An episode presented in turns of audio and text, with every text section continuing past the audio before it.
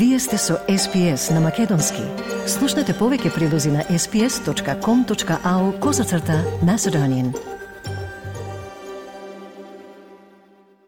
Спомен плочата што беше поставена на манастирот Прохор Пчински за посетата на македонската делегација на 2 август Илинден по повод чествувањето на 78 годишнината од првото заседание на АСНОМ веќе ја нема. Информацијата ја потврди и кабинетот на председателот на државата Стево Пендаровски. Плочата била од времен карактер за да се реализира минато неделната посета на државната делегација, се вели во објаснувањето од председателскиот кабинет. Овој настан го искористи опозицијата за да го обвини шефот на државата дека води политика од денеска за утре. Во сообштението на ВМРО ДПМН се вели. Се е сведено само на гол пиар и зад неговите ставови и потези нема никаква стратегија, туку се води според народната купи ден помини. Поминаа само фалбите на Пендаровски, помина пиарот и по принципот на Потемкиново село работите ги снема. Тоа на што Пендаровски посвети најмногу фалење спомен плочата во манастирот веќе е тргната.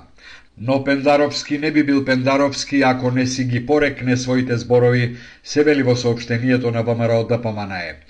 Пендаровски ја предводеше делегацијата на минато неделното одбележување на 2 август во Прохор Пчински и тогаш ја попали српската страна за поставувањето на новата спомен плоча идентична на оригиналот. Морам да уште еднаш да ги пофалам, но има да дам признание на српските домаќини затоа што успеа за рекордно кратко време оригиналната плоча која не можевме да ја, не можеа да ја најдат, да направат нова со оригиналниот текст и пред која денеска се поклонит. Јас се надам дека ова е почеток на една добра традиција во која 2 август, во нашиот втор Илинден, ќе го прославуваме тука Минатата недела прв пат по 18 годишна пауза, македонска државна делегација го посети местото на кое се одржало првото заседание на АСНОМ и се поклони пред вратената спомен плоча, која по кратко време, како што информираат медиумите, пак е тргната.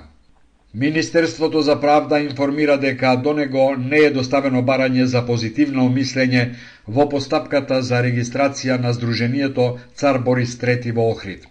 Сообштението на Министерството следи по негативната реакција на еврејската заедница и на фондот на Холокаустот на евреите од Македонија, кои соопштија дека, како што велат, се згрозени и навредени од регистрацијата на Сдруженијето Цар Борис III во Охрид и од леснотијата со која во нашата држава се глорифицираат нацизмот, фашизмот и се шири говор на омраза, завршен цитат. Понатаму во сообштението се вели – Очигледно е дека за честија регистрација на здруженија со бугарска самосвест кои носат имиња на докажани соработници на нацистичка Германија. Тоа е свесна провокација и навреда за еврејската заедница, навреда за македонската држава и за незините граѓани или некој може би мисли поинаку дека на овој начин со промоција и величање на фашизмот и нацизмот се зајакнуваат добрососедските односи, се наведува во вчерашната реакција на еврејската заедница и на фондот на Холокаустот на евреите од Македонија. Двете здруженија нагласуваат дека името на царот Борис III е поврзано со прогонот и уништувањето на евреите од окупираните територии од страна на, како што наведуваат, фашистичка Бугарија за време на Втората светска војна.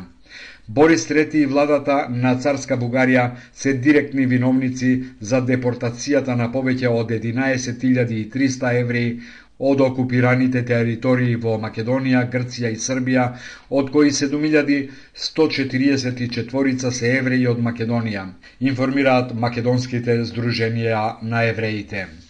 Речи си 100.000 евра ќе бидат потрошени за прославата на 21 годишнината од Охридскиот рамковен договор. Одобрението за трошење на овие буџетски пари е подпишано од првиот заменик на премиерот Ковачевски Артан Груби.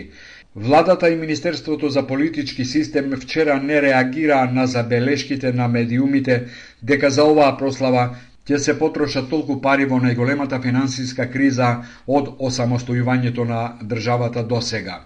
Минатата година за прославата на Охридскиот рамковен договор, државата потроши половина милион евра, гостите од земјава и од странство беа сместени во хотели со пет звезди во и надвор од Скопје, а на располагање имаа сали за фитнес и спа центар. Преспанското езеро има најнизок водостој во последниве 100 години. Од крајот на мај до денес, нивото на езерото е намалено за 20 сантиметри. Иако причините за овој феномен не се сосема јасни и најверојатно се комбинација од климатските промени и од злоупотребата на езерската вода од страна на локалното население.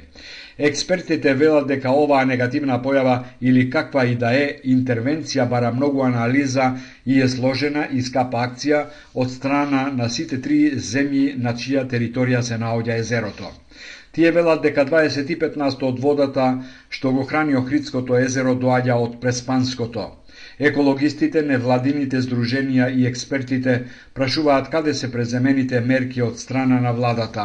Ѓоко Зоровски, инженер за животна средина за медиумите вели. Единствено че што се изработи пред околу две години беше тој план за спас на Преспанското езеро, каде што се проучи целокупната состојба, се наведува некои факти од каде е тој губиток на вода, меѓутоа после тоа акцискиот план некако и немаме некои конкретни мерки, ниту некој гледам поголема соработка меѓу трите држави. Науката се уште трага по одговор за ова варирање на Преспанското езеро, вели Зороски, и додава дека во последниот период тоа е резултат на неповолната хидролошка состојба, иако во минатото Преспанското езеро се одликувало со големи амплитуди на нивото на водата до неколку метри. Граѓанската иницијатива Охрид СОС укажува дека не се оствари ни најавата за можно прогласување кризна состојба во Преспанскиот слив, како што се бараше пред две години. Површината на езерото беше изучена преку сателитски снимки кои покажуваат дека од 1984 година набаму има изгубено 7 насто од својата вкупна површина. Студијата што ја правеа странски експерти Вели Охрид СОС покажа дека површината со вегетација околу Преспанското езеро во последните децении се зголемува и тоа главно за потребите на земјоделието. Тоа упатува на искористување на езерската и подземните води за наводнување, што е еден од главните фактори за намалување на водостојот. Туристите и охриѓани пак се жалат на дивењето на скутерите и на другите пловни објекти по Охридското езеро. Граѓаните и посетителите на плажите велат дека не се чувствуваат безбедни. До сега се изречени 25 санкции. Најголема опасност е што се вози многу близко до плажите, односно до капачите. Бројот на пловила во Охридското езеро од сезона во сезона е се поголем. Во државава во моментов има регистрирано околу 2800 пловила, од кои најголем број во Охрид. Во COVID пандемијата заклучно со ланскиот јануари 17.000 луѓе останале без работа, врачени се 1200 откази, а затворени се 1770 работни места. Ова се поразителни информации од извештајот на Државниот завод за ревизија, кој вели дека државата не само што загубила 23 милиони евра, туку и нема точни информации кој колку вратил од парите наменети за помош. Над 6000 работници сами дале отказ, а на 7000 не им биле продолжени договорите за определено вработување. Над 100 работодавачи не исплатиле минимална плата за 435 мина вработени, иако ја добиле државната помош од 6317 денари за тоа. Стиснете, ми се допаѓа, споделете, коментирајте. Следете ја SPS на Македонски на Facebook.